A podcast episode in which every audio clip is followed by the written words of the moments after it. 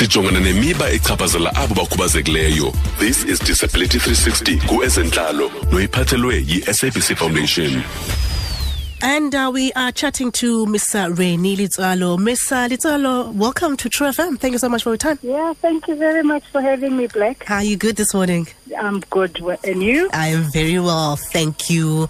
Um, you are the director of Cambridge Weight Plan. Yes. What is it that you guys do?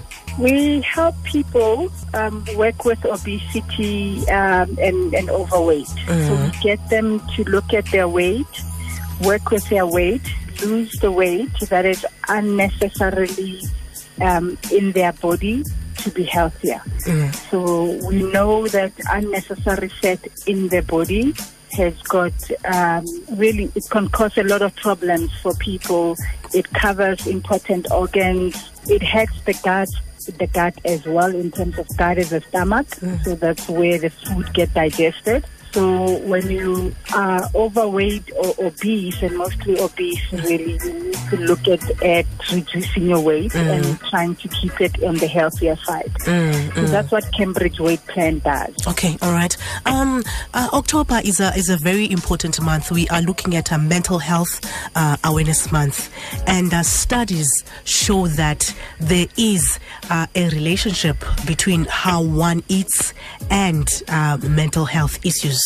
Is there a relationship between diet and mental health? Yes, like it's you know the the mental health we're now starting to know from research that it's actually a a whole body sickness. So you can't isolate it and say I've got a, a mental problem. Meanwhile, you've got stomach problems as well. So you find there's a connection between all the organs and all the systems that are working in in the body. So the connection of the brain and the diet is what we're putting in our body and how that is digesting um, through the stomach and sending signals through to the brain. So that's very, very important. And there's an area in, in- on our head called this area is called hippocampus. Mm. So hippocampus is very good for things like learning, memory, and just overall general health. So people that eat healthier food and uh, normally have got a higher volume of this hippocampus. Mm. And those that don't eat the healthy food, you find they lack those those things. So uh, they lack the volume that's required for them to really have a good mental health. Mm. And unfortunately for us, like it starts in the womb.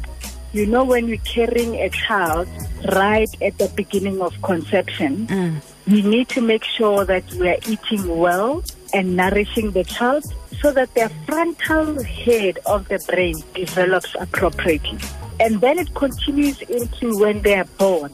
When they are born, the first three months of the child are very critical in terms of the mom feeding the child with the breast milk that is rich in nutrients that will develop the brain. Mm-hmm. And continuing into the two years phase of a child where a child needs to be introduced to the right type of food to develop the brain. And we find that in most instances, we break that first cycle. And hence, that's why we have too many people now in these days suffering from mental health. And mental health, it differs from really adult depression, children suffering from ADHD, and those that just don't develop at all. And they end up being um, more you know, disabled in terms of actually their mental development. So that's how the brain and food relate. And it's the everyday things that we put in our body that really determine your great mental health or weak mental health. Then, uh, what kind of foods then can uh, one eat to ensure a, a healthy mental state? Yeah, a healthy mental state, we, we normally say start with a very balanced uh, plate of food and make sure that you've got all the macronutrients that are important for the body. The protein is important for the body, the carbohydrate is important for the body, the fiber is important for the body, and the good oils, what we call um, non saturated fat, they are good for the body. So the brain, is mostly made up of fat. So as a fat component of the body, it requires for it to be fed with food that are quite rich in good fats. Mm-hmm. And what are these fats? For example, you get omega-3 fats that you can get from fish, that you can get from things like sardines, or you can even supplement omega-3 from, from vitamins that you buy from the shop. So omega-3 is a very good base to feed the brain. And then, of course, you need food that are rich in vitamin B as well. And you're looking at fish. Mm-hmm. You're looking at things like eggs as well.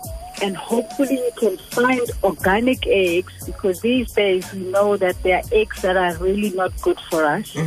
Um, you need to be finding eggs, you know, the ones that come from Makaine, the chickens that are running around. Yes, Those mm. eggs are actually the best ones that we should be consuming. You know, things that we used to consume in the olden days, which today are very rare. Those are very good um, type of uh, food for us. Even vitamin D. Um, vitamin D, you get it from things like cod liver oil. You also get vitamin D from the sun. From just being exposed to the sun, these days we run away from sun exposure. It's you, we're gonna be too dark. Yes, For you, we're uh, gonna then meanwhile actually the darker skin thina abantu bamnyama we need more of a darker skin of, of the sun than the lighter uh, skinned people. Because our skin is deep and the sun has to penetrate deeply to develop something that we call cholesterol. And that cholesterol it's a fat in its own right. It goes into the right body parts where it needs the fat including the brain. So that sun is very good. Five minutes in the sun and not washing with soap after that developing a nice cholesterol level in your body. So those, those are the food but you also need, you know, we ignore sometimes the exercise.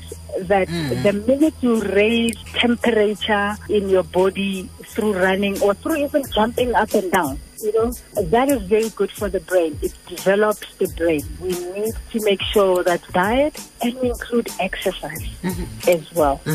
Renny, uh, you guys work uh, a lot with uh, people who have weight issues, obese. Yes. Uh, would you would you say that that, that has an element of um, you know mental I don't know mental issue? There is, you end up seeing a lot of obese people um, with high level of emotional conditions Okay. that Mhm. are like Mm, depression. mm. Comes into, into, right. into your space quite a lot. Mm. Aggression. You find aggression in males who are very aggressive in how they actually approach things.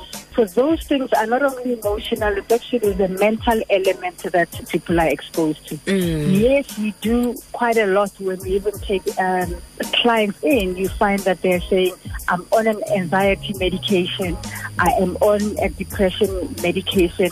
Will your diet plan help me with being in this condition and it won't interfere with my medication. And you find after a while they've been on our program because our program has formulated meal replacement that have got vitamins such as thiamine, which is very good for the brain, and, and niacin, which is also very good for the brain. You find after a while being on the program, their mood also improves and they start to develop that strong clarity in, in their head and the emotions and the depression start to, to be manageable. All right, um, Renny, somebody is listening and uh, they are hearing our conversation and they're thinking, you know what, um, I want to do things right in order to Yeah. take care of myself, in order to take care of my, you know, uh, mental state. Yeah. What would you advise that one does, starting at this point? Starting at this point, I would say start with elimination. So, sugar and processed food, we know very well that they are not good for us and our body doesn't digest them well. And if you've got too much sugar in your body, um, you're really messing up with your chemical balance in your body. So I would say eliminate sugar, eliminate flour, proce- processed food, that's a good start.